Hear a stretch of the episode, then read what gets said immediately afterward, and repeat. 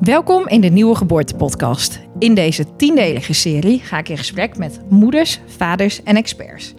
Zij nemen jou mee in hun ervaringen en delen hun expertise om jou te inspireren en te begeleiden naar een mooie geboorte. In deze aflevering ga ik in gesprek met Imke Jansen de Leeuw. Zij is regiomanager en trainster bij Mom Balance. Zij neemt ons mee vandaag in waarom zij het zo van belang vindt om tijdens, maar ook na je bevalling in beweging te blijven. En ook wat de groepsdynamiek doet.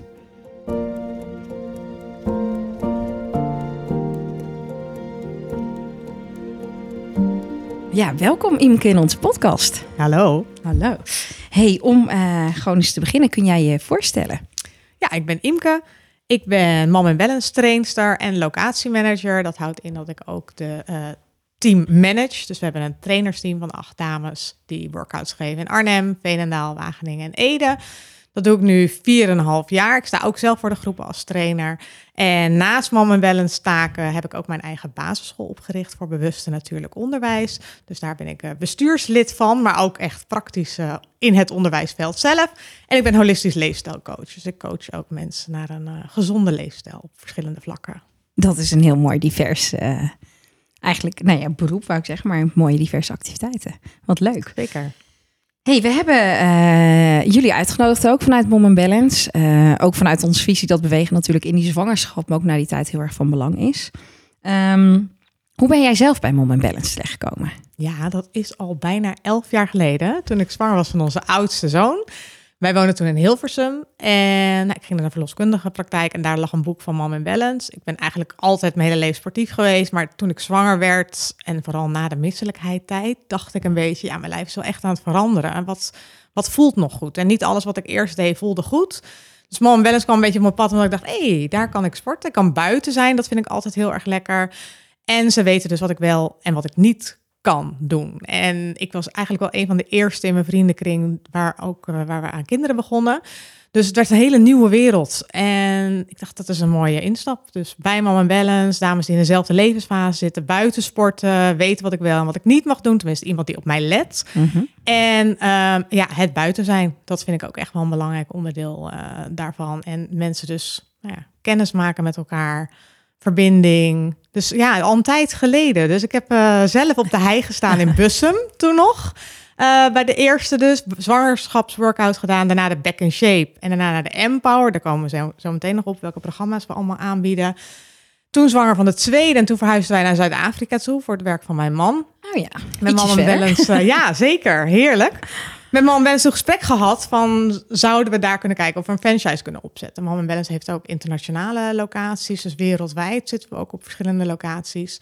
Alleen Zuid-Afrika heeft een juridisch kader waar het als expatvrouw niet mogelijk is om uh, te werken. Dus dat hebben we even terzijde geschoven, wat prima was. Onze tweede zoon is daar geboren.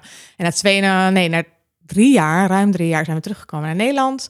En toen nou ja, eigenlijk meteen weer in contact met Mom Balance. Opgeleid tot trainer. In Ede gestart als trainer. En vrij snel meteen ook locatiemanager geworden. En dat doe ik nu 4,5 eh, jaar. Ah, ja. Wat mooi. Wat mooi om te horen allemaal. Ja, way back. Ja, way back. hey, je hebt twee kindjes? Ja, twee jongens. Nou ja, van tien en acht. Dus al geen kindjes meer, nee. maar... Uh, al tieners. Vrij uh, groot. Ja, de eerste is nu een tiener. Dat, dat merk je dat dat ook weer een andere fase is. Uh, ja. Maar leuk. Ik vind elke fase leuk. Dat zie ik ook. Dus bij de zwangere dames die bij ons trainen. Het zo'n bijzondere fase om zwanger te zijn, maar ook de newborn tijd. Als ze opgroeien naar peuter, kleuter. Ja, het worden steeds meer mensjes, hè? hoe ouder ze worden en hoe wijzer ze worden. Ja. Ja, hey, je gaf het net al even kort aan en we gaan het gedurende deze podcast over die verschillende fasen.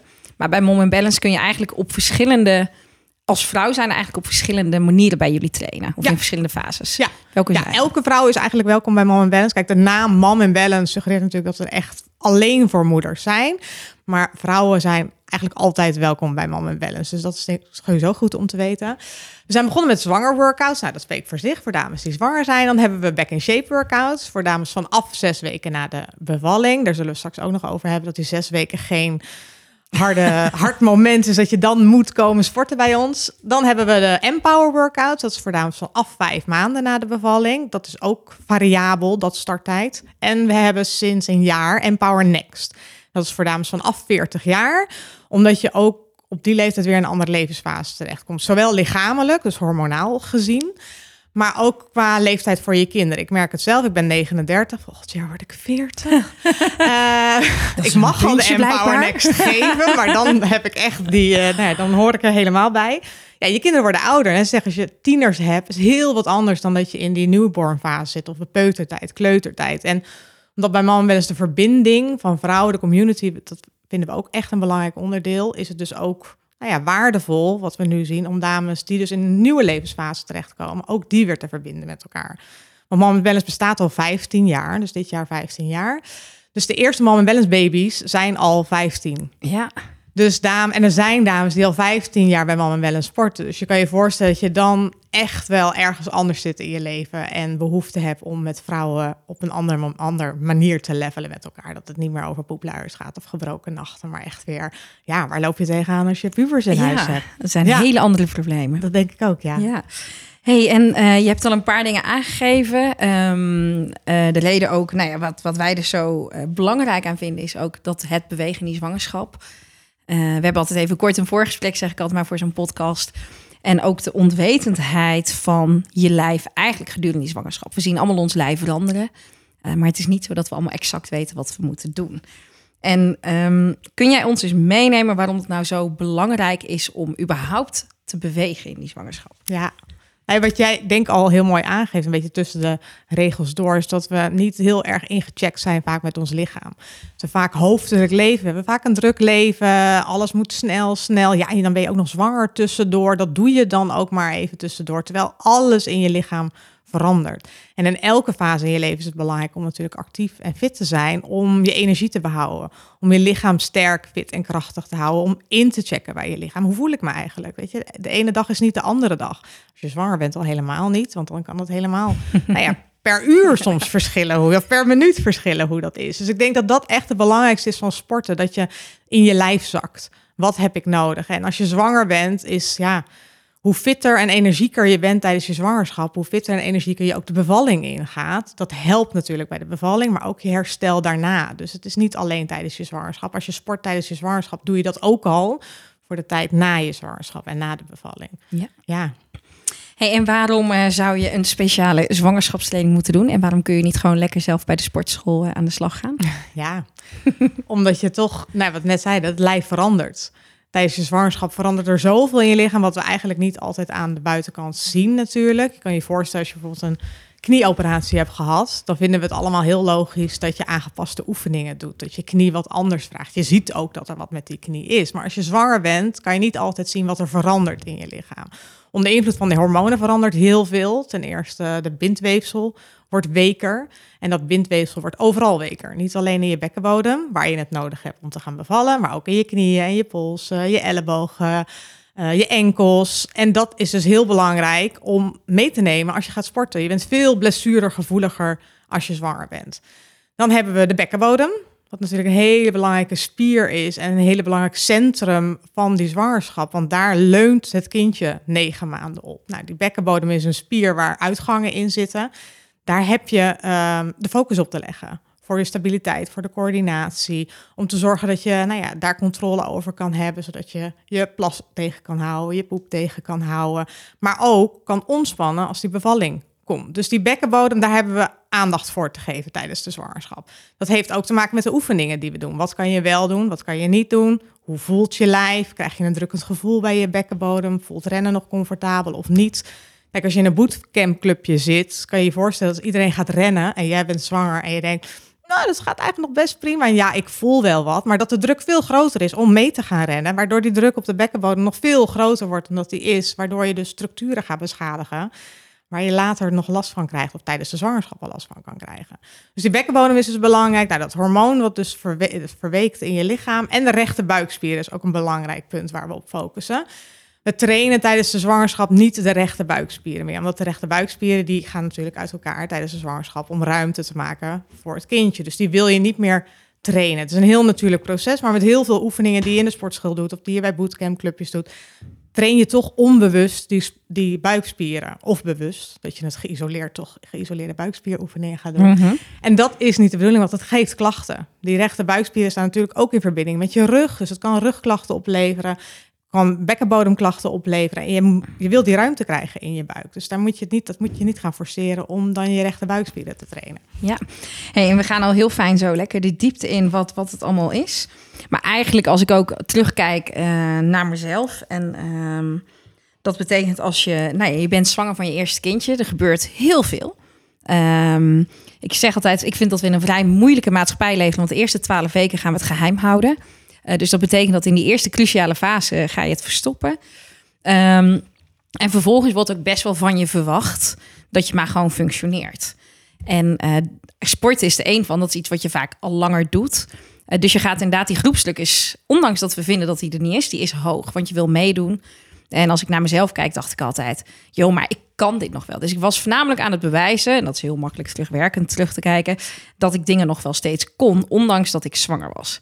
En dat is natuurlijk echt een hele, heel gek uitgangspunt waar we mee werken. Ja. En ik vind het heel mooi hoe jij het ook zegt. En um, nou ja, ik heb zelf natuurlijk meegeleefd met Mom en Balance... dat even die focus wordt verlegd op... hey, je, bent, je bent nu gewoon even anders. Je hoeft niet jezelf te zijn of je oude ik. Ja. Ja, ik zie dat ook echt bij de groep. En niet zozeer altijd bij de eerste zwangerschap... want dan, nou, dan herken ik nog wel wat jij nu zegt. Maar als ja. dames voor de tweede zwangerschap bij ons komen... dat ze eigenlijk ook relatief al sneller vertellen dat ze zwanger zijn... omdat ze voelen dat in de groep het veilig is... Uh, dat ze dat tegen mij als trainer ook kunnen zeggen, omdat ze zich dan toch al meer realiseren. Gelukkig maar van ja, ik kan dit niet. Ik kan niet al die ballen hoog houden. En inderdaad, waarom zouden we het niet vertellen? Want stel je voor dat het fout gaat, wil je toch ook heel graag dat de groep er ja. is om jou ook op te vangen. En ik merk daar echt wel een verschil in. Ik doe dat nu vier jaar. En het laatste jaar is dat wel echt aan het veranderen, inderdaad. Dat. Um, nou, dat je ook even stil mag staan en mag zeggen: Dit is even te veel, het gaat niet. En dat ze dat ook richting mij aangeven. Weet je, ik kom even niet, want of ik voel me niet lekker, of ik ben net zwanger en het kan allemaal niet. Dat, dat doordenderen inderdaad. Dus ik hoop ja. ook als man wel dat het dat daar ook heel erg een belangrijke bijdrage in levert. Die verbinding met vrouwen, dat je ook je onzekerheden en je kwetsbaarheden kan tonen in een groep. Je hoeft niet alleen maar powerhouses te zijn die ook nog op zaterdagochtend sporten. En ik werk ook nog vijf dagen in de week en dan heb ik nog een heel druk sociaal leven. Dat is leuk als het allemaal gaat, maar voor de meeste vrouwen gaat dat niet. Dus wees ook daar gewoon eerlijk in. En dat, dat mag in die groep. Maar dat vind ik wel echt heel ontroerend dat dat ja. ook gebeurt. Ja, wat fijn, want ik denk dat dat het, dat dat het is. Het mag. En um, hè, ik neem altijd mezelf maar als voorbeeld, want dan kan ik het in ieder geval, nou ja, hè, zo uiten. Maar het, het feit dat je nog steeds een powervrouw bent als je dus zegt... joh, hè, deze twee weken gaat het gewoon even niet lukken... want ik stel mijn prioriteiten anders, want dat is wat we doen. Dat is gewoon oké. Okay. Ja. Ja, en voor je lichaam dus ook vooral. Kijk, ook geestelijk is het ook heel belangrijk ja. om af en toe te zeggen, nu gewoon even niet. Ik heb gisteren nog iemand gehad die app te zeggen, ja, het gaat gewoon nu even niet. Ik ga in bad, ik ga lekker mijn nagels lakken, ik ga een boek lezen en ik ga vroeg naar bed in de plaats van sporten. Kies daar dan dus bewust voor. Dat is ja. echt heel belangrijk. En voor je lichaam dus ook.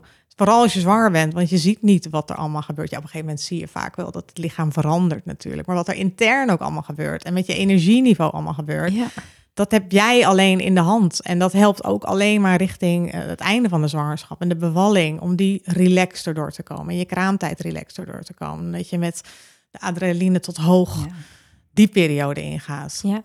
Hey, je gaf het al aan, uh, het belang van die groep. Uh, zo heb ik het zelf ook echt ervaren. Dat vind ik ook altijd wel fijn om erbij te zeggen. Het is niet dat jullie zeggen, nee, het is heel mooi hoe die groep werkt. Maar het is een hele open en eerlijke groep. En in, uh, voor ieder is het, als je even in een groep stapt, denk je: oké, okay, wat ga ik hier mee doen? Uh, maar er wordt altijd uh, even een rondje gemaakt. Hoe is het met iedereen? En dan worden ook echt heel veel dingen gedeeld. En dat is, vond ik altijd heel erg mooi en heel erg waardevol. Maar ook voornamelijk heel erg. Hè, dan heb ik het al even als ik bij de back in shape. Het is heel fijn om te horen dat iedereen wakker heeft gelegen. Of dat iedereen met borstvoeding moeilijkheden heeft. Ja. Um, voor jullie is het heel erg van belang, dat stuk in een groep. Uh, kun je er nog eens iets meer over aangeven wat, nou ja, wat je tegenkomt daarin? Of... In die voorstelrondjes bedoel je? Ja, wat, maar ook, ze... ja, ook bijvoorbeeld met, met ja, wat doet die groepsdynamiek binnen zo'n... Uh... Ja, ik denk dat vooral groepsdynamiek belangrijk is voor dus je sociale verbindingen. En uit heel veel onderzoeken komt natuurlijk ook naar voren dat ja, een gelukkig mens heeft sociale verbindingen en is verbonden met andere mensen om, om zich heen. Dus dat bieden wij heel erg bij Mama Balance. En ja, hoe krijg je die verbinding? Inderdaad, door herkenning bij elkaar. Dat je denkt, oh, ik ben niet de enige. Dat je ook kwetsbaarheden mag tonen. Um, en dan gaat het echt over, over alles. Weet je, dat urineverlies, uh, dat is echt niet bij ons een taboe onderwerp. Nee, vertel dat vooral gewoon. Dat als je na vier, vijf maanden nog denkt, hè, ik ben toch nog niet het is nog steeds nat als ik moet niezen of als ik even wil opbouwen qua hardlopen. En dat herkennen dames alleen maar, zodat iedereen naar elkaar kan kijken. Hé, maar neem dan ook de tijd, want we zijn soms wat harder voor onszelf dan dat Ja. we voor anderen zijn. Dus dan kan die groep je ook helpen om, weet je, ik zie je. En doe rustig aan. En dan helpt het jou misschien ook weer om te denken, ja, ik hoef nog niet hard te lopen. Maar zij is ook vijf weken geleden bevallen. Ja. Of eh, vijf weken, excuus, vijf maanden geleden bevallen. ja, dat ieder lijf is anders. Ja, En ik weet nog dat ik dat bijvoorbeeld zelf, maar dat dit is hè, voor iedereen ervaart dingen anders, heel erg heftig heb ervaren. Ik weet dat ik zwanger was. Eh, ik gaf net ook aan, hè, daar kunnen we het zo nog even over hebben. Ik had best wel weerstand tegen zo'n zwangerschapsclubje, want ik was heel erg bezig met wat kan ik nog doen. Ehm, en toen was ik daar de eerste keer en toen zei iemand, ja, ik heb dus last van urineverlies. En dacht ik, oh god, gaan we dit doen? Ja. Ehm, en Was dat die- een goede voor je? Of Nee, ik vond die toen wel even van, oh ja, hier ga ik dus, eh, hier ga ik heen. En ik was, nou ja, ik, ik ben met eh 18, 19 weken begonnen. Voelde me dus topfit. eh, had, het, had energie voor tien. Had mijn misselijke, misselijkheid al gehad. En dan word je dus wel ook even die wereld ingezogen. En ik Ja. was heel bewust bezig met de komen dingen later. Ehm, maar ja, dit, wat ik zeg, achteraf zijn dingen heel makkelijk. Voor mij was dat op dat moment even... Oh ja, dit wordt dus zo'n vrouwenclubje. Ja. En eh, ja, tien weken later ben je mentaal, ga je in één keer, je gaat, nee, die hormonen doen alles. Ja. Sta je er klaar voor en denk je, oh ja, dit Nee, is wel heel fijn. Dat, ja, en ik hoop dat dat de combinatie ook is die wij ook bieden. Want eh, er zijn ook, weet de meeste dames starten bij ons omdat ze al sportief zijn en graag ook echt wel wat willen doen. Dan heb je natuurlijk andere zwangerschapsclubjes die nou ja, wat rustiger zijn en wat zachter zijn. We zijn natuurlijk wel gewoon echt een outdoor sportorganisatie buiten. We sporten altijd buiten. Ja. Dus we zien dat we dat type vrouw wel aantrekken. Die graag denken, ik wil nog wel echt Ja. lekker blijven sporten tijdens mijn zwangerschap. En dat mag ook. En tegelijkertijd zal je in het proces inderdaad merken, ja, je wordt meer zwanger, je krijgt misschien meer klachten, je wordt hechter met de groep, dus je deelt misschien meer. Ja. En in die groep zitten verschillen van dames die net zwanger zijn, die misschien net de misselijkheid boven zijn of nog niet en daardoor ook nog niet keihard gaan eh, sporten binnen wat ze kunnen. En dames die rond de 20 weken inderdaad in de top van hun energie zitten en zich helemaal lekker voelen. En dan weer de dames die, eh, nou ja, rond de 35 weken en denken, weet je, ik loop lekker een rondje, ik klets een beetje bij en ik doe krachtoefeningen. Die ook superveel al gedaan hebben dan. Maar ieder Ja. in een eigen, in een eigen fase. Ja. Maar wel eruit halen wat er op dat moment in zit. En dat hoeft niet altijd in kracht of in conditie te zijn of in eh, keihard meesporten. Want wat heb jij nodig op dat moment? Als jij een hele slechte nacht hebt gehad, dan is het al heerlijk om een uurtje buiten te zijn. En misschien even geen moeder te zijn als je een Ja. kleintje eh, thuis hebt. Dat je denkt, oh, ik ga even gewoon de deur uit. Ik hoef nergens mee bezig te houden. Ik zie het thuis wel weer als ik thuis kom. Ja. Ja, hey, want als we het zo hebben over die zwangerschapsworkout, want je zegt dat, ehm, je zegt het al heel mooi, dan, je bent zwanger en ergens ehm, ga je dus ook bedenken, joh, ik, ik moet iets anders gaan doen. Of eh, hè, bij de eerste zul je daar iets langer over nadenken, bij die twee denk je, oh ja, dit. Of de meeste, voor mijn gevoel was het ook, die waren nog bezig en die werden weer zwanger en die gingen gewoon naar het andere clubje. Ja. Ehm, hoe, hoe, ziet, hoe zien zwangerschapsworkouts uit in die hele periode? Want eigenlijk hebben jullie mensen tussen de, nou ja, acht weken en... ehm, Ja. Ja, we hebben dames, eh, nou, de Ja. meeste dames starten vanaf 15 weken, Ja. denk ik. Een beetje als de eerste misselijkheid voorbij is. Maar we hebben ook dames die bij 10 weken eh, denken, ik ga mee, eh, mee starten. Eh, vaak hebben we gecombineerde groepen. Dus het is zwanger eh, dames en back-and-shape dames bij elkaar. Dat zijn dan jonge back-and-shape dames, die dus echt in de opbouwfase zitten. Ze starten natuurlijk met een warming-up, waarin je hartslag even wat kan verhogen. Maar daarin dus ook het moment om even te voelen hoe je lichaam voelt. Je kan met een bepaald idee naar een workout komen, maar in een warming-up kun je er soms ook achter komen dat je lichaam echt wat anders nodig hebt. Dus daar probeer ik al heel erg in te checken. Dan hebben we dus die question round waar jij het net over had, Ja. om bij iedereen in te checken hoe lang ben je zwanger, hoe lang geleden ben je bevallen, zijn er klachten waar ik als trainer mee rekening mee heb te houden. Zijn dan gaat het over bekkenbodemklachten of rugklachten, maar dat kunnen natuurlijk andere blessures zijn wat ik dan graag wil weten om jouw training aan te passen. En dan maken we een mix van krachtblokken en cardioblokken. Dus de krachtblokken zijn gericht op de lower body of de upper body. En dan hebben we de cardio om je uithoudingsvermogen, je duurvermogen eh, nou ja, in stand te houden. Tijdens de zwangerschap hebben we als doel om eigenlijk je conditie en je kracht te behouden. Je wordt natuurlijk vaak zwaarder. Je conditie gaat over het algemeen wat achteruit. Maar het doel is om dat hetzelfde te houden als aan het begin van Ja. de zwangerschap. En voor de back and shape kan je je voorstellen dat het weer het doel is om je conditie en je kracht weer op te bouwen. Ja. Gereguleerd en stap voor stap. Hey, en als ik, eh, hè, we hadden het net al even, die, eh, je lijf die verandert binnen het zwangerschap. Daar houden jullie dan ook rekening mee. Eh, je had het over je hormonen, je bekken en je de buikspieren die niet getraind worden. Ehm, zijn er andere dingen waar zwangere vrouwen in de workouts mee rekening moeten houden? Tijdens de workout. Ja, Ja, vooral op hun eigen hartslag. En Hm. in de ademhaling. Dus die ademhaling moet niet te hoog komen. Dat je volledig, eh, nou ja, een soort hyperventilatie terechtkomt. Dus dat het altijd... Het mag wat hoger gaan, maar geen, we trekken geen sprintjes meer bijvoorbeeld. Dus je Nee. komt niet in het uithoudingsvermogen waarin, als je weer gaat opbouwen, dat je daar terecht komt. Dus het is veel meer vlakker, maar daardoor train je juist wel dat duurvermogen natuurlijk. Dus dat is het belangrijkste, denk ik, die ademhaling. De bloed, eh, bloedtoevoer moet natuurlijk ook gelijk blijven. Dus we gaan geen hele korte, snelle eh, oefeningen doen. Dus ik denk dat dat de belangrijkste dingen zijn als, eh, voor zwangere dames. Naast dat we dus in de krachtblokken heel erg letten op, op die rechte buikspieren. Op het zwaartepunt verplaatsen ook. Als we het hebben over lunchoefeningen, bijvoorbeeld dat we zwangere dames en ook de jonge back shapers naar voren lunch doen, die laten we niet doen. We stappen naar achteruit in de lunch. En dat doen we omdat het zwaartepunt dan minder verplaatst, dan dat je hem naar voren toe brengt, waardoor de druk op je bekken en je heupen veel kleiner is dan als je hem ehm, andersom zou doen. Dus dat is denk ik belangrijk. En ook dat we de oefeningen afwisselen. Dus we gaan niet de hele tijd eh, oefeningen doen waar je één been optilt. Dus dat je constant op één voet staat. Dus dat wisselen af. Dus alterneren we.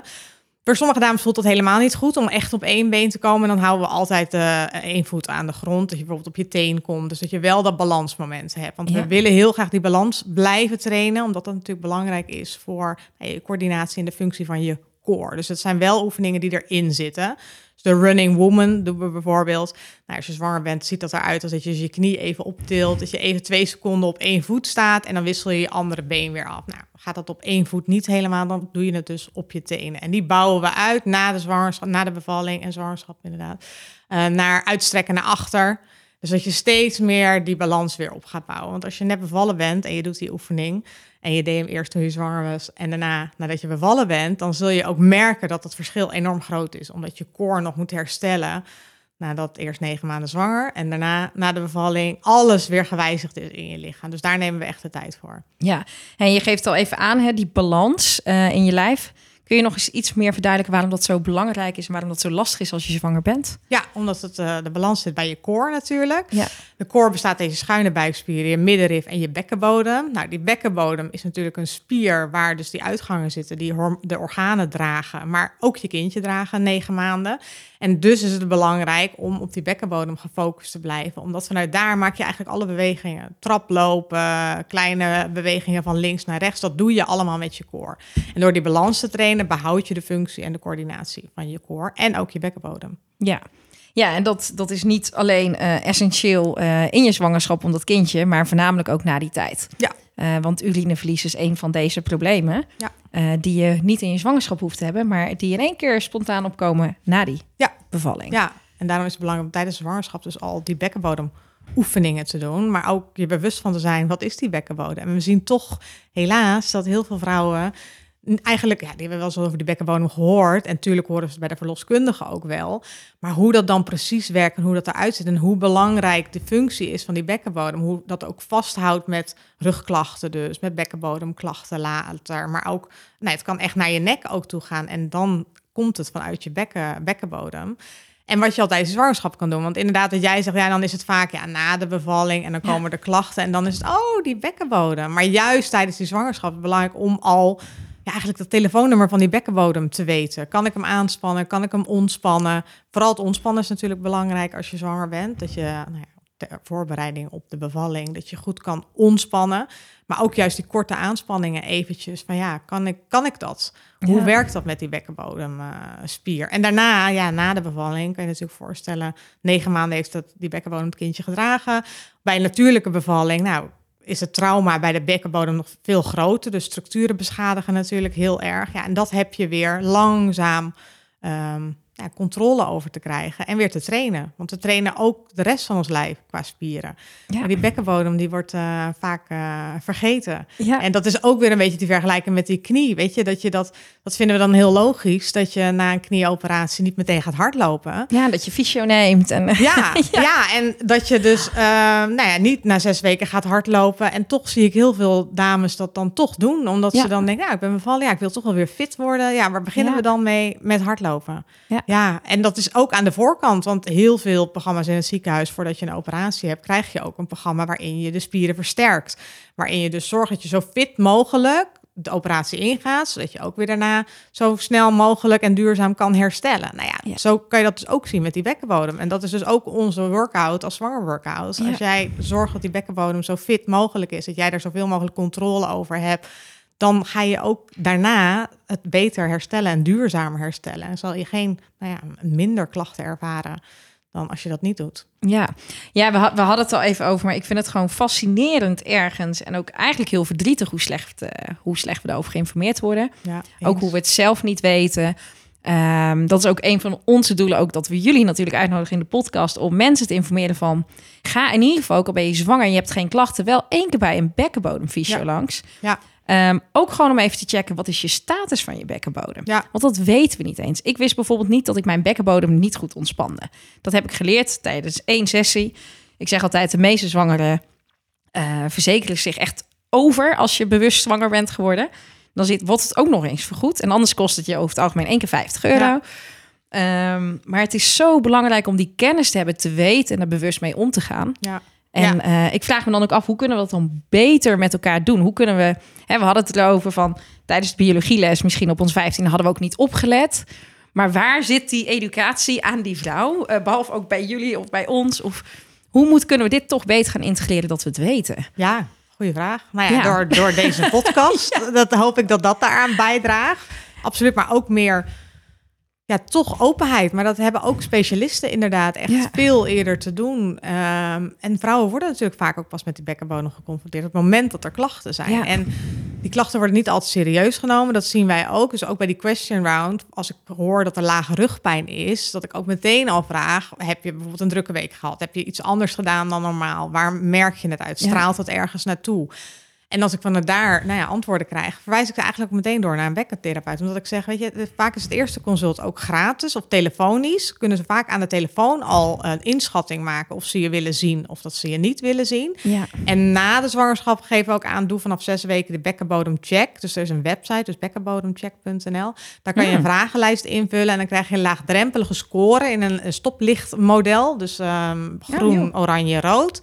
Dus op basis van de klachten die je hebt, passende bij jouw herstelfase. En dan vragen ze ook naar de bevalling, dus of daar risicofactoren in zitten. En als er groen, nou ja, dan is het dus oké. Het past bij de fase waar je in zit. Oranje is dus neem zeker even contact op. En rood, dus dan heb je dus echt wel een groot risico op... eh, nou ja, dat dit bekkenbodemklachten zijn. Dus dit is echt een website Ja. die dus opgezet is door geregistreerde bekkentherapeuten. Om dus ook, nou ja, wat jij net ook zei, om hier echt meer kennis over te krijgen. Dat die rugpijn ook echt ergens anders vandaan kan, kan komen. Ja. En dat je er echt zuinig op moet zijn op die bekkenbodem. Want ja, we hebben het allemaal over dat we geen TNA lady willen. Maar niemand realiseert zich volgens mij wat daaraan vooraf gaat om dus dat te voorkomen. Exact. En nu hebben wij denk ik al tussen onze generatie van onze moeders, denk ik, en ons is er denk ik ook al een wereld gewonnen. Maar laten we kijken of we dat daar nog eh, meer in kunnen winnen. Ja, nee, we hopen dat, dat onze generatie dat niet, niet vervelend voor Tena Lady, maar dat het niet meer nodig is. eh, Ja. Om gewoon doordat we kunnen trainen.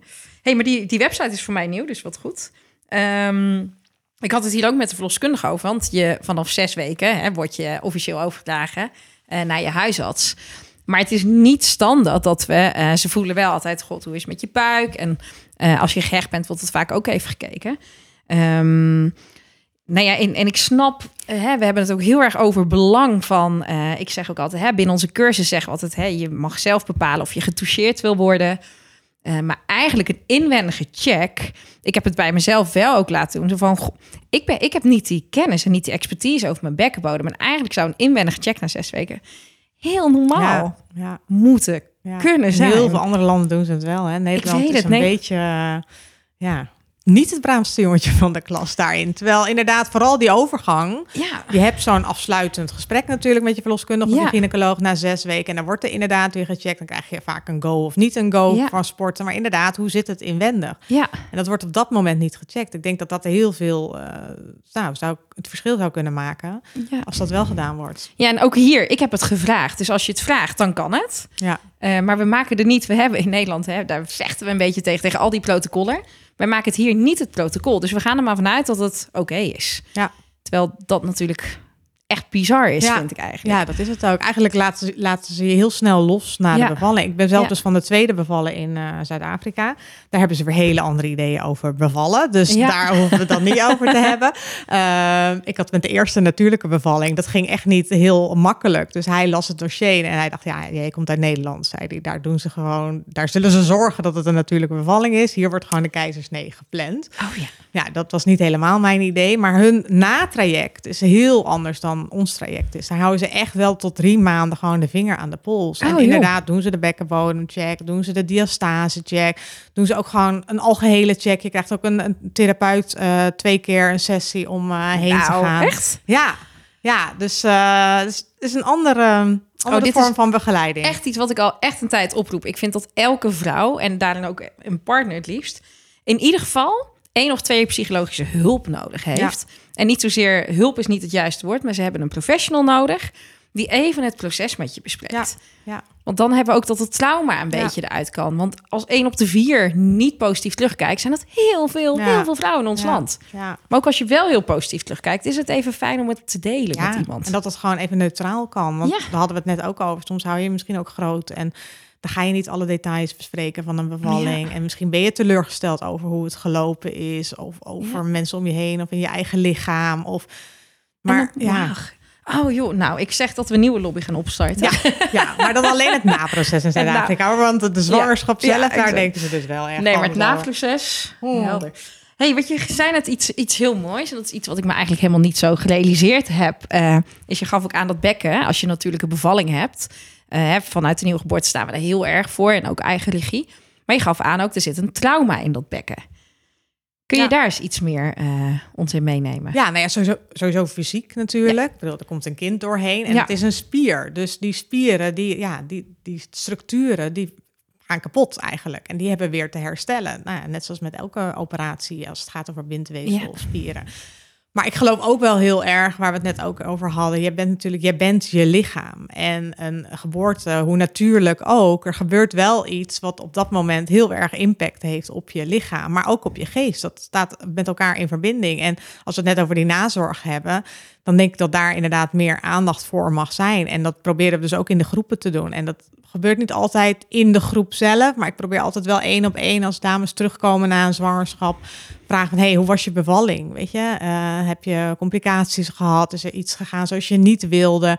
Juist om dat moment even ehm, te delen, want het is al niet wat. En toch stappen we daar soms toch ook wel weer heel makkelijk eh, overheen. Dus Ja. blijven inchecken met die bekkenboom, zowel fysiek als dus ook gewoon emotioneel. Ja, Ja, het heeft je heel veel gegeven natuurlijk, uiteindelijk. Maar het kost ook heel veel van je Zeker. qua energie en eh, herstel. Ja, want dat is, eh, hè, dat is ook een beetje het punt waar het soms, nou ja, hè, waar twee werelden zeg ik al tegen elkaar komen te staan. Als je het hebt over een natuurlijke bevalling, dan wordt het ook altijd alsof het allemaal halleluja moet zijn. Maar dat is ook niet wat wij prediken. Je, waar het om gaat, is dat jij positief terug gaat kijken en dat jij de regie hebt gehad. En het hoeft niet altijd fijn te zijn. Ik zeg, het hoeft niet altijd in een bad met een zoutlampje te zijn. Maar wat wel van belang is, dat jij je als vrouw gehoord hebt gevoeld tijdens dit proces. Ja, En ehm, dat is dus ook inderdaad in dat nastukje. Maar we weten dat ons lijf is... Het is immens wat ons lijf moet doorstaan. Ook dat kindje. Ik bedoel, dat kindje Tuurlijk. komt net zo goed komt Ja. die babytje ter wereld. En hoe goed je ook voorbereidt, dus ook de cursus die jullie doen en alles, je kan, niets voorbereid je op, op echt het moment zelf. Nee. Want je kan daar geen voorstelling van maken, of je maakt er wel een voorstelling van en dan wordt Ja. het compleet anders. Nee. Ja, die werkelijkheid is toch anders en daar heb je dan toch een soort reflectie op te doen. Ja, Ja, ik ben nee, ja, letterlijk dat. ja, Eh, je komt alles tegen in die, in die eh, nou ja, gemiddeld 12 tot 14 uur durende Ja. bevalling. Eh, En mag dat er dan zijn, inderdaad? Want ja, ik had dus ook met de tweede eh, gevochten voor mijn eh, natuurlijke bevallingsrecht in Zuid-Afrika. en daar ging ik dus wel naar geboortekliniek, omdat ze dan graag willen dat er wel een OK in de buurt is, mocht het fout gaan. Nou, dat vond ik in het begin wel dat ik dacht, ja, ik wil gewoon thuis, maar die situatie was er niet. Dus oké, we gingen naar die geboortekliniek. En het heeft mega lang geduurd. En na 30 uur was het gewoon echt klaar. Kon ik gewoon echt niet meer. Dus toch een keizersnee uiteindelijk. Dat is wel even een moment. Ondanks dat je echt bewust hebt gezegd, weet je, het gaat niet. Maar het Ja. is tegelijkertijd ook een moment dat je zegt, ah, weet je, waarom gaat het niet? Exact. Ik heb alles geprobeerd. Ja. En nou ja, dat ook tijd geven en ruimte geven. Ik denk dat dat net zo belangrijk is als het fysieke gedeelte. En ehm, Eens. daar mag meer ruimte voor zijn. Ja, en daar moet meer ruimte voor zijn. Moet. Ik. hey, we, hebben, eh, we zitten nog in het kopje zwangerschap en sporten. Ik zit even te denken, zijn er andere dingen waarvan je denkt... oh ja, dit, eh, dit hier... ehm, wat, wat gebeurt er... We hebben het al gehad over dat ieder het echt in zijn eigen tempo doet. Ehm, wat, wat, ik, wat ik er zelf dus ook heel fijn aan vond... En we lachten er hier ook net een beetje op bij ons, hè, bij, vanuit de Nieuwgeboorte. We hebben allemaal bij jullie gesport ooit. Ehm, dat je dan op een gegeven moment dus vanaf week 35 een beetje dat clubje wordt met je hele bolle buik. En je eigenlijk gewoon een beetje aan het kletsen bent. En af en toe nog een keer een lunchje doet. En eh, Ja, maar eh, dat, Ja. dat zeg je nu heel eh, lachend. En dat denk je misschien als je nu terugkijkt. Maar Ja. als je 35 Ja, weken zwanger bent en je komt toch een uur sporten. ja, Ja, tuurlijk is dat anders dan iemand die net zwanger is. Of iemand die zes maanden geleden bevallen is. Maar het is topsport wat je op dat moment aan het. het doen bent. Ja, ja, en we hadden velen met ons. Ik heb zelf ook. Ik ben, mijn jongste dochtertje is geboren met 40 dagen. 40 weken en twee dagen.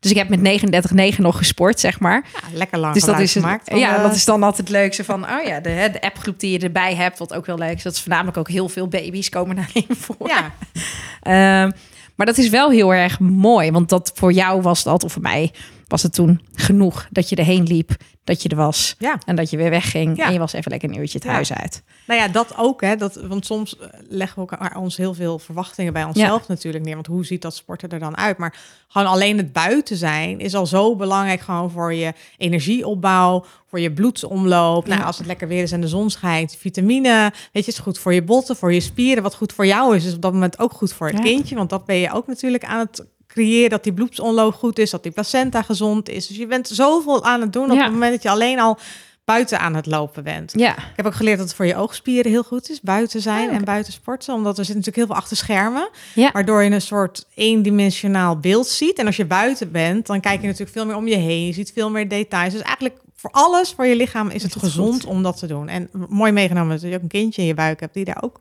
van Ja. profiteert. Ja, ja, want er is geen mom en balance binnen. Jullie geven Nee. geen binnenlessen. nee, alles is buiten. Ja, want we Ja. hebben echt in de stromende regens gestaan. Zeker. Ja, ja, dat doen we ook. En Ja. eh, dat is de eerste vijf minuten dat je denkt, kak, ik sta hier in de regen en het duurt nog een uur. Maar over het algemeen is iedereen na die vijf minuten denkt, Ja, ja, we we staan buiten in de regen. En natuurlijk komt dat voor, maar gelukkig, eh meest van de tijd is het droog. Ja, En is het ook lekker als het bijvoorbeeld koud is. Vorig jaar winter stond ik met min 8 buiten ja. in de avonden. Ja, dan pas je wat dingen aan, want je gaat niet te veel stilstaan. Dus je wil wel even lekker in beweging blijven. Maar ja, hoe fijn is het als je daarna denkt, weet je, dit heb ik ook gedaan. ja. En als je nat bent, dan ga je daarna douchen. Ja, Ja. dan eh, Ja, is die douche extra lekker. Maar altijd buiten, ja, dat maakt ons ook de grootste outdoor sportorganisatie voor, ja. voor vrouwen. Ja, leuk. Hey, en dan eh, ben je bevallen en dan mag je eh, terugkomen. Of mag je terugkomen, zeg ik heel flauw. Maar dan, ehm veel vrouwen eh, willen best wel snel weer aan de slag. Soms ook wel misschien iets te snel. Maar jullie, laten, jullie hebben daar een drempel voor, toch? Ja. Dat je weer terug mag Ja. komen. ja, ja, en die drempel creëren wij dan niet, maar de verloskundige en de gynaecoloog. Dus Ja. meestal dus na zes weken krijg je een go of je wel of niet mag. Nou, wij hangen daar dus ook die bekkenbodemcheck aan. Dat we zeggen, dus voordat je komt sporten, doe dan ook die check eventjes voor jezelf. Of regel een consult dus bij zo'n bekkenbodemtherapeut. En dan mag je komen. Maar je kan je voorstellen dat niet elke bevalling hetzelfde is. Dus het mag vanaf zes weken, mits er geen klachten zijn en er geen risicovolle eh, bevalling is geweest. Dus de meeste dames starten niet meteen met de zes weken. Die komen meestal met acht, negen weken een beetje. Bij de keizersnee adviseren we sowieso tot acht weken te, eh, te Mhm. wachten. Dat heeft alles mee te maken, omdat er natuurlijk ook structuren zijn eh, beschadigd op andere vlak. En geplande keizersnee is dan vaak nog weer wat anders. Maar de meeste dames die nou uiteindelijk toch een keizersnee hebben gehad, hebben vaak ook al een lange bevalling Ja. gehad. Dus zowel de bekkenbodem als de buik is op meerdere plekken eh, beschadigd. En daar heb je gewoon echt de tijd voor te nemen. Ja. Eh, dus vanaf zes, acht weken ongeveer dat de dames weer terugkomen. De meeste dames starten bij ons als ze zwanger zijn. Dan nemen ze dus een zwangerschapsabonnement. Kan je kiezen uit verschillende vormen. Maar de meest voorkomende is 12 maanden abonnement. Dat betekent dat je, je bent geen 12 maanden zwanger. Dus op een gegeven moment stopt dat abonnement. Dus je uitgerekende datum is het moment dat het stopt. En daarna krijg je zes weken babytijd. Dan bevriezen we dus je abonnement. En dan kan je aangeven wanneer je wil, gaat, weer wil gaan starten. En dan wordt je abonnement omgezet naar een back-in-shape. Uh, twee weken voor je uitgerekende datum krijg je van ons een mailtje als Mom in Balance met ook een programma voor net na de bevalling. Dus niet dat we meteen een sportschema hebben, maar je kan wel al eigenlijk vanaf dag twee, dus de eerste dag als je bevallen bent, daar vooral niet mee bezig zijn. Maar vanaf de tweede dag kan je wel bijvoorbeeld even op je ademhaling gaan letten. Om toch al een beetje te focussen op dat diafragma, wat ook een onderdeel is van je core. Om misschien dus even in te checken bij die bekkenbodem. Kan ik hem al aanspannen? Kan ik hem ontspannen? Kan ik voelen of dat ik daar een verschil in kan maken? Nou, en zo bouwen we op tot die zes weken. Dat je elke keer wat oefeningen meer kan doen, zodat je ook wat voorbereid bent voor om weer te gaan sporten. Lekker wandelen natuurlijk. En daarin ook jezelf in de gaten houden. Voel ik een drukkend gevoel bij mijn bekkenbodem? Krijg ik ergens anders klachten? Dan is het voor jou nog niet de tijd om te gaan starten bij zes weken. Dus dat is ook weer een moment, uh, moment voor iedereen persoonlijk. Ja. Ja, wat, wat, wat daar heel fijn aan is, uh, vind ik, en uh, waarschijnlijk velen met mij, doordat je twaalf maanden afsluit en zorg je dat je teruggaat. Want het is heel makkelijk om je te verliezen in die eerste weken. En dan te denken, joh, weet je, je energie. Uh, ik hoef geen jonge moeder dat te vertellen, maar die is echt gewoon even weg. Ja. En je gaat heel snel in je eigen kleine omgeving. Ja.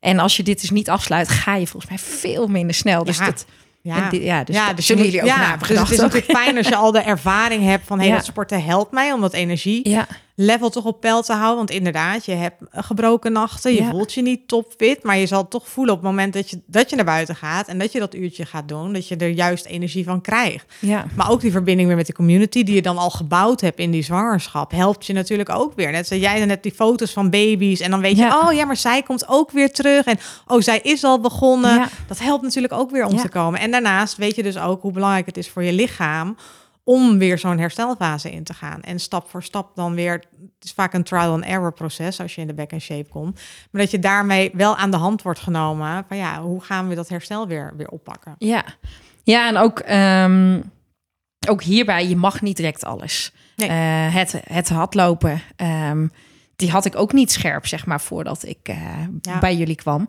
Dat je niet zomaar mag gaan hardlopen na nee. de bevalling. Nee, dat vluchtmoment geeft natuurlijk een enorme druk op je bekkenbodem. Ja. En je kan je voorstellen dat je daar echt maanden voor nodig hebt om, om te herstellen. Nou, de eerste zes weken dus sowieso alleen bij wandelen houden. Kort inchecken met je bekkenbodem. Vanaf het moment dat je bij ons komt, vanaf zes weken, gaan we dat opbouwen. Maar nog steeds geen vluchtmomentjes. Dus we houden het in powerwalken. We blijven nog steeds die oefeningen afwisselen. Dus het is eigenlijk een beetje vergelijkbaar met het einde van de zwangerschap eigenlijk. Dus en vanaf 12 weken ga je pas opbouwen. En dat opbouwen is natuurlijk niet meteen. Nu ga je alles rennen. En alle oefeningen die je eerst op je tenen doet, die ga je nu springen. Nee, daar ga je in opbouwen. Dus je gaat een keer een oefening twee keer springen. Voel je eventjes, hey, heb ik een reactie, geen reactie? Oké, nou dan houden we hem hierbij. Uh, gaat het wel goed, dan kunnen we hem gaan uitbouwen. En niet meteen de eerste les natuurlijk. Daar staat ook weer een opbouwperiode voor. En dan zien we dat de meeste dames toch wel zes maanden nodig hebben om die conditie dus weer op peil te krijgen. Om dat duurvermogen dus weer, dat je echt wel zes, zeven minuten aan één gesloten wat kan hardlopen zonder klachten te krijgen. En ook geen klachten daarna. Je wil ook niet dat je de dag daarna een drukkend gevoel krijgt of dat toch dat urineverlies weer uh, terugkomt. En ook die vluchtmomentjes, uh, die bouwen we dan op. En vanaf dat moment zou je dus naar de Empower over kunnen gaan. En dat betekent dat je dan weer oefeningen meer horizontaal gaat doen in de plaats dat je verticale oefeningen gaat doen. Maar dan ben je ook nog niet helemaal hersteld. Er staat 9 tot 12 maanden voor over het algemeen om uh, je lichaam weer te laten herstellen van een zwangerschap en een bevalling. Ja, ja want dat, verge dat vergeten we altijd, hè? Dat, dat we. Um dat die, dat die tijd dat je kindje in je buik hebt gezeten, de minimale tijd is dat je nodig hebt om ja. ook weer te herstellen. Ja, sommigen denken dat dat een bakerpraatje is of zo. Negen maanden op, ja. negen maanden af. Maar ja, dat, dat, zijn wel diegenen zijn die na vier maanden wel weer. En je bent, hè, we worden ook geacht om weer te werken na drie maanden. Ja. Um, dus je wordt ook weer een soort van in het leven gesleept alsof je uh, niet zwanger bent geweest. Ja. En dan heb je nog een half jaar te gaan. Absoluut. Nou ja, en daar hopen wij dus echt wel ondersteuning in aan te bieden. Dat dat bij het sporten dus niet hoeft. Nee. Misschien op andere vlakken dat dat, weet je, daar ga ik niet over. Over je werk of je privéleven. Ja, Maar als je bij ons komt sporten tijdens mijn les, zorg ik ervoor dat je doet wat voor je lichaam goed is op dat moment. Ja, en wat, wat er, um, hè, als, ik, als ik zo terugkijk, en ik vind het heel mooi, want um, ik heb er eigenlijk helemaal niet zo heel, heel bewust op teruggekeken, dat merk ik dan nu. Uh, maar wat ik ook heel mooi vond, is uh, een ieder gaat weer aan het werk binnen deze periode. En dat je op een gegeven moment kijk je er zelf best wel tegenop van, oh ja, mijn verlof eindigt. En dan hoor je mensen om je heen, oh, ik ga weer starten. En al die mensen die gingen starten met werken, die zag je altijd de eerste twee weken best veel zag je niet. Ja. Omdat die echt helemaal kapot waren. Ja. ja. En eh, ik weet dat het voor mij toen heel fijn was dat ik dacht, oh, ik hoef volgende week even niet. Terwijl we echt wel mentaal weten dat het beter is om te gaan. ja. Uh, maar dat het zoveel impact op je heeft om ook weer te gaan werken, om dus dat leven weer op te pakken, tuurlijk. Ja. dat je echt gewoon kapot bent. Ja, ja logisch ook Ehm. wel. Maar ja, ik hoop ook dat die groep dat dus inderdaad, dat je daar ook van leert van, oh ja, weet je, en ze geven het ook wel aan van, weet Ja. je, pas dan op, oh, je ga je volgende week weer beginnen. En je Ja. krijgt ook tips en tricks van andere dames inderdaad. Ja. Maar helaas laten we dan het sporten wel als eerste vallen. Maar gelukkig zie ik inderdaad dat dat dan twee, drie weken Ja. duurt. En dan daarna wel weer het ritme erin zit. Dus ja, daar heb je ook weer even tijd voor nodig. Ja. Weet je? En dat is als coach merk ik dat natuurlijk ook. Als je een verandering door wil voeren, dat gaat niet van de ene op de andere Nee. dag. En als je dan weer daarbij gaat werken, nou, dat is nogal een Ja, dat, verandering eh, natuurlijk. Dan verandert de structuur even van het leven. Ja, Ja. Hey, en dan hebben we eh, die back in shape. Dat is een, een hele, eh, hele nou ja, toch een periode. Ehm, wat merk je bij veel vrouwen die terugkomen na zo'n bevalling en weer gaan sporten? Zijn daar een soort van, je denkt, goh, dat is goed om te weten? Of, ja, heel divers natuurlijk, hoe ze terugkomen. Ehm, over het algemeen hebben ze wel weer zin om te sporten, dat merk ik wel. En dan gaat dat een beetje tussen dames die te snel van stapel willen lopen... en dames die denken, ah, ik doe het echt heel rustig aan. Dus daar zit ik ook een beetje tussen als trainer. Waar ik Ja. sommige echt te remmen heb. En echt tot 12 weken. Dus op het moment dat we zeggen, nou, je kan weer een beetje gaan opbouwen. Echt te remmen heb. Dat ik dan soms ook moet vragen, eh, hoeveel weken geleden ben je bevallen? Oh, sorry. Ja, en anderen zeggen, hey, ga het proberen. Ga eens een stukje proberen. Check even bij jezelf. En sommigen vinden het heel spannend, hè. Omdat je lichaam Ja. nou ja, toch veranderd is. Je hebt misschien een bevalling gehad waar je misschien niet heel erg positief op terugkijkt. Misschien ben je het vertrouwen in je lichaam een beetje verloren. Dus ja, daar zit enorm verschil in. En daar hoop ik dus, nou ja, dat hoop ik, dat doen wij Ja. als trainers, daar echt oog voor te hebben. En soms zit het dat in uitdagen inderdaad. En de andere keer zit dat weer meer op de rem trap- trappen. Om dat duurzaam herstel wel eh, voor ogen te houden. Ja, wat ik zelf ehm, heel heftig vond, en bij mijn tweede was ik daar veel bewuster van, is dat zoveel vrouwen terugkomen eigenlijk alleen maar om te sporten om af te vallen en weer terug naar hun eigen lijf te gaan. Is dat iets wat jij veel ziet ook? Nee, ja, dat hoor ik dus eigenlijk niet Oh. meer. Misschien komt dat ook Ja. door mij, omdat ik Heel ook- goed, heel nou ja, goed. dat ook predik, dat dat Ja. niet, niet de reden moet Ja. zijn dat je er bent. Ik merk dat ze, nou ja, dat ze vaak in die zwangerschap workout wel dat belang van sporten zien, maar dat dat niks te maken heeft met je gewicht, inderdaad. Tuurlijk zullen er nog een paar vrouwen zijn die zeggen, weet je, ik Ja. wil zo snel mogelijk weer mijn lichaam terug. Maar over het algemeen zijn onze dames wel meer bewuster over dat het veel meer zit in kracht en uithoudingsvermogen, over je fijn voelen in je lijf. Ja, wiens lijf wordt nog helemaal hetzelfde na, eh, na een zwangerschap en een bevalling. Ja, het, het zit, volgens mij zit de key het in het accepteren van je lichaam. Ja, zeker. En beter een sterk en een fit lijf dan een dun lijf dat eh, geen energie heeft en niet sterk en krachtig is. Dus eh, ja, ik hoor hem dus niet heel veel wat meer. goed. Nee, Nou, Nee. dan ben ik blij. Dat Ja. kun je zien hoe dingen veranderen ook in, in een aantal jaar. Dat is, maar die vond ik toen heel heftig. Dat ik dacht, oh jongens, laten we ook eens inderdaad af en toe wat zachter zijn naar, ja. naar veel dingen. Hey, en dan eh, ben je, heb je de, eh, de workouts gehad en dan ga je door naar de empowers. En dat is ook voor mensen inderdaad die nooit een kindje op de wereld hebben gezet. Absoluut. we ook. Ehm, en dat, dat, ja, wat, wat doe je daar? Even. Ja, nou je kan dus zo zien. Die back in shape is echt een opbouwfase. Dus eigenlijk een hersteltraining. Dus je lichaam ga je weer opbouwen naar kracht. Nou, en dat houden we dus goed eh, in de gaten. Dat monitoren we echt. Hoe is je kracht in je, in je core? Hoe is je balans, je coördinatie, je uithoudingsvermogen weer? Nou, er zijn een aantal punten voor. En vanaf dat moment kan je naar de empower, waarin je dat verder kan gaan uitbouwen. Dus waar we bij de zwanger en de back in shape groepen bijvoorbeeld een plank echt eh, verticaal tegen een muur aandoen, gaan we dat in de back in shape als je gevorderd bent, dus vanaf 16 weken lager naar de grond doen. Dus steeds meer horizontaal. En bij de Empower bouwen we dat nog steeds meer uit. Dus je hoeft niet meteen al helemaal alles te kunnen. Ook de Empower is ook weer een opbouwende training. Ja. Waar dus ook weer verschillende niveaus in zitten. Je kan je voorstellen, iemand die net overkomt van de back in shape, zes maanden geleden bevallen is, die heeft nog een opbouwfase. Maar er zitten ook dames die al drie, vier, vijf, Ja. zes, zeven jaar bij ons in de Empower zitten. Ja, die helemaal hersteld zijn, alles laag kunnen doen, burpees kunnen doen, jumping jacks kunnen doen. Ja. Waar de startende Empower dan misschien nog een eh scissor doet in plaats van een jumping jack, omdat het minder belastend is voor je bekkenbodem. Dan bouw je die ook weer op. Na een paar maanden zou je die ook kunnen. Maar daar houden we ook echt nog wel de vinger aan de pols qua klachten, omdat we daar soms toch ook wel weer zien dat dames dan toch te hard zijn gegaan. Ja. En dat is voor ons ook niet altijd zichtbaar. Omdat dan gaan ze weer rennen, je checkt met ze in. Hoe voelt het? Ja, het voelt goed. Maar je kan ook na vijf, zes maanden nog steeds klachten ontwikkelen Ja. vanuit je bekkenbodem. Eh, nou ja, vaak dus vanuit je bekkenbodem. En dan heb je weer even een stapje terug te doen. Dat Ja. kan binnen de back in shape, maar dat kan dus ook binnen, binnen de empower. Ja. Nou, en daar zitten dus dames die eh, ja, jarenlang bij ons zitten. Of zwanger worden van de tweede, of van de derde, of van de vierde, of van de zesde hebben we zelfs in Ede. En die gaan dan weer naar de zwanger Ja. workout. Ja, dus dan word je geupgrade. Hè? Dan ga je naar de... Sommigen zien het als een downgrader. Maar eh, nee, we zien het als een upgrade. En weer naar de zwangerschapsgroep. Ja. Ja. En dan nu is die Nexus erbij gekomen sinds een eh, jaar. Ja, ja want dat, dat las ik inderdaad. En toen dacht ik, hé, hey, wat goed. Want onze hormonen, dat, eh, nou, eh, hoe meer ik me erin verdiep, hoe bijst interessant is wat al die hormonen doen, maar ook binnen je cyclus. En eigenlijk vanaf 40 zeggen jullie, ga je een nieuw traject in. Ja.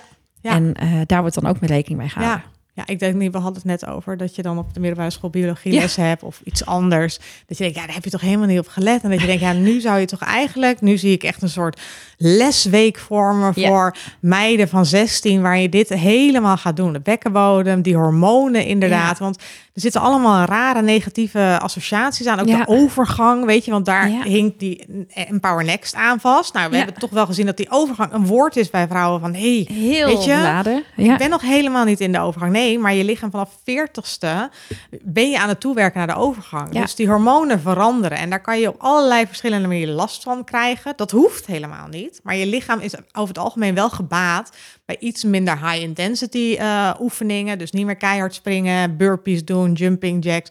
Veel, veel meer relaxter, maar ook meer gericht op flexibiliteit. Omdat toch je spieren ook Ja. veranderen hoe ouder je wordt.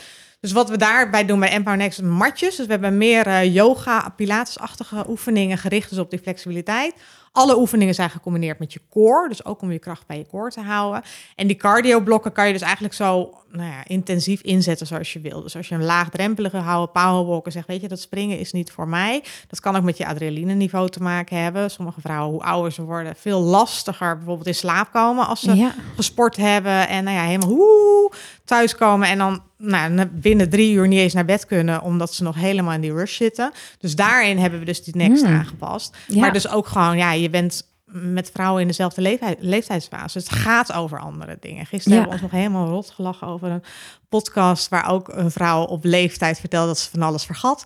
En dat ze dan een liedje voor zichzelf maakte om bijvoorbeeld niet te vergeten waarom ze naar boven loopt in huis. Ja. En ze zeggen, en dan, en dan ben ik boven, dan vergeet ik het nog steeds. en in die groep was er ook zoveel herkenning van, oh ja, dit is weer een nieuwe fase in je leven. En Ja. hoe lekker is het dan dat je dan ook weer dus met vrouwen zit die eh, ja, dat dus ook meemaken. Of fysiek, of gewoon in het sociale leven andere uitdagingen hebben. Ja, want dat eigenlijk, hè, als ik het best wel toch een soort van samenvat, we, we hebben jarenlang genegeerd dat die de hormoonhuishouding van een vrouw, ook al weten we dat die anders is, Ja. zo extreem aanwezig is in ons dagelijks handelen. Ja, ja. Ehm, dat het gewoon eigenlijk gewoon altijd een soort van onder een steen is geschoven Ja. of af is geschoven als iets heel negatiefs. Ja, terwijl het zoveel kracht geeft ook. Als je je cyclus kent en, en, en vanuit daar afspraken kan maken, dingen in kan plannen. Dat je weet, nu zit ik op mijn top. Weet je, nu moet ik bijvoorbeeld die podcast inplannen, want nu voel ik me helemaal lekker. En als je die afspraak plant op het moment dat je ongesteld bent bijvoorbeeld, dat je dan beter even zegt, hey, liever niet, want ik zit op een andere energie op dat moment. En dat, maar daar is natuurlijk amper ruimte voor. Ik kan me voorstellen dat wij als vrouwen onderling daar meer ruimte voor zouden kunnen hebben door te zeggen, hey, het is niet het goede moment deze datum, want eh, ja, En toch, hè, dan zitten wij hier als twee best wel bewuste vrouwen volgens mij erop. Ik hou rekening met mijn cyclus. Lukt niet altijd. Eh, of ben ik niet scherp genoeg in, laat ik dat dan zo zeggen. Ehm, en toch, ik zie het bijna niet om me heen. Ik volg podcast, ik lees dingen. Wij hebben het er onderling heel veel over. Maar er is bijna niemand van al die vrouwen. En ik heb allemaal vrouwen die echt op een he- hele andere manier in het leven staan. ja. Niemand. Het is gewoon nog, het hoort erbij. Je doet het maar Ja. en je hebt maar even Ja. buikpijn. Ja. ja, soms is het praktisch natuurlijk ook Zeker.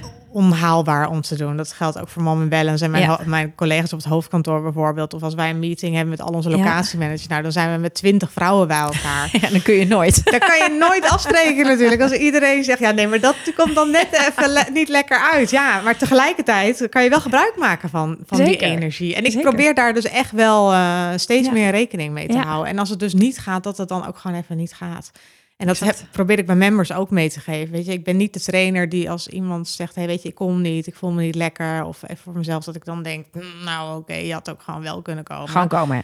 Niet zo nee, uitstellen. denk, neem je tijd. Wat fijn dat je bij jezelf ingecheckt hebt. En dat Ja. je tot de conclusie bent gekomen: hey, nu even niet. Dat was ook met de podcast. Volgens mij Ja. wij hebben ook al een paar keer een Ja, we hebben een paar keer geschoven. En eh, we hebben ook eh, kinderen. En dat gebeurt soms ook. En dat ik ook voor mezelf op een gegeven moment... ja, ik moet even de knoop doorhakken. Weet je, het gaat nu gewoon even niet. En dan zit ik er ook niet met de juiste vibe. Nee, echt, en dat, dat is wel. Maar het is wel het voor jezelf leren opkomen. Kunnen we in heel veel facetten. Ja, Het echt voor jezelf naar dit soort dingen. ja. Ehm, ik bedoel, ik, ik denk als ik, als ik zakelijk ga aangeven dat ik zeg, joh, ik wil deze afspraak even niet, want ik, want ik menstrueer. Ja. Ja, dan, ik wil niet zeggen dat ik uitgelachen word, want Nee. ik, ik heb het dus ook nog nooit zo gezegd. Nee. Ehm, maar het voelt nog een hele, hele hoge drempel Ja. om te doen. Dus ik bedenk nu een soort van excuus of ik zeg, het komt niet uit, ik ga iets anders doen. Ja. Maar eigenlijk is het heel gek. Misschien mogen we dat meer doen. Ja, Ja. zeker. Nou ja, en ik voel ook in mijn groepen wel. Ik stel vaak ook triggerende vragen in het vragenrondje. niet alleen maar van, nou, als je een hele grote groep hebt, dan kom je vaak niet verder met Nee, wie ben dat je. klopt. En, eh, maar als de groep wat kleiner is, dat je wel wat vragen stelt waar ze inderdaad ook kan inchecken bij jezelf. Van hoe voel je inderdaad? Geef een woord aan hoe je je vandaag voelt. Of wat was het woord van de afgelopen week bijvoorbeeld? Of eh, nou, de herfstvakantie komt eraan. Dus ik heb ook gisteren gevraagd van hoe ga je voor jezelf tijd maken in deze herfstvakantie? Dat je even voor jezelf ook constant even voor jezelf opstaat en incheck bij jezelf. Ja, inderdaad, weet je. Die herfstvakantie zie. De kinderen zitten de hele tijd thuis. Laat je gewoon go with the flow. En ik zie het wel. Of ga je bewust zeggen... Nee, eh, mama gaat ook een paar momentjes plannen... dat ik eventjes bij mezelf incheck. Dus dat probeer Ja. ik dan ook wel te doen. En sommige dames denken dan... oh, er komt een hele moeilijke vraag. en het hoeft niet zo lastig te zijn. Zoals, wat is je favoriete dag van de week? Ja. Weet je, wanneer ben jij het blijste? Wanneer Ja. stroomt het het meeste voor je? Dat je ook vanuit kan kijken van... oh, waarom is dat dan mijn favoriete dag? En hoe kan ik dat, wat ik op die dag voel... ook in de andere dagen meenemen? Ja, en ja, als dan de dag dat je ongesteld wordt niet je favoriete dag is, dan ben je daar ook dus bewuster van. Hopelijk de maand daarna. Je denkt, hé, hey, ja, Ik ga even dag, wat anders doen deze Ja. dag. Of in ieder geval geen mensen zien. Nee. Of, Nou ja. eh, dat is misschien ook fijn voor die andere mensen. ja. Dat jij ze niet ziet op die dag. Nee, eh, over het algemeen, een, een verbinding leg je altijd met z'n tweeën en een Ja, connectie. Dus, absoluut. Mijn partner dit- dit weet altijd je. precies wanneer Ja, het zover exact. is. Ja. Hey, eh, we zijn denk ik een beetje zo aan het einde gekomen. Ehm, ik zeg altijd, heb jij nog iets waarvan je denkt... oh, dit hadden we moeten bespreken, maar is totaal niet aan bod gekomen? Of dit wil ik nog meegeven? Nee, volgens mij eh, hebben we alles besproken en tegelijkertijd ook een goed gesprek gehad. Dus dat vond ik wel Ja. echt leuk. We zijn niet eh, alleen maar een vragenlijstje langs, langs Nee. gegaan. Nee. Nee, ik zeg dat altijd wat woorden. Ik vind het gesprek daarin altijd ook veel belangrijk en heel leuk. En ik merk ook zeker jouw holistische kant door het sport heen. Dus dat vind ik heel mooi om te merken. Ehm, ja, dan, ja, nou, en ik eh, hoop dat mam wel eens daar ook voor staat. We hebben niet voor niks mam in balance natuurlijk. En Ja. we focussen op het sporten. Maar door het sporten hopen we wel dat je een moment creëert voor jezelf, waardoor je energie krijgt voor de rest van de dagen om de rest goed in balans te houden. Dus dat je inderdaad even bij jezelf ingecheckt van wat heb ik nodig, Eh, wat is belangrijk voor mij. En dat genereert dan die balans in de rest van je, van je leven. En natuurlijk, we hebben ook de blogs op onze web- website. We zijn meer dan alleen het sporten. Ja. Maar ik denk dat dat sporten en die verbinding dus, de twee belangrijkste elementen, jou helpen om toch in een fase als moederschap, het jonge moederschap, eh, nou ja, volledig, volledig niet, maar wel die energie te krijgen die je, die je nodig hebt om alle ballen in de lucht te houden. Want dat is toch de maatschappij waar we in leven. Soms even iets te veel ballen op, onze, op ons bordje hebben. En hoe ga je daar dan mee om? Nou, door dus te sporten en door in verbinding te blijven met andere, andere vrouwen. Ik zeg een hele mooie afsluiting. hey, dankjewel. Dankjewel dat je in onze podcast wilde zitten. Graag gedaan. En eh, tot een volgende keer. Tot de volgende keer. Dankjewel. Dit was weer onze podcast van de Nieuwe Geboorte. Hartelijk dank voor het luisteren. En mocht jij nou meer willen weten over de cursus die wij geven, eh, kijk dan vooral op onze website om eh, te kijken welke cursus het beste bij jou past. En graag tot de volgende keer.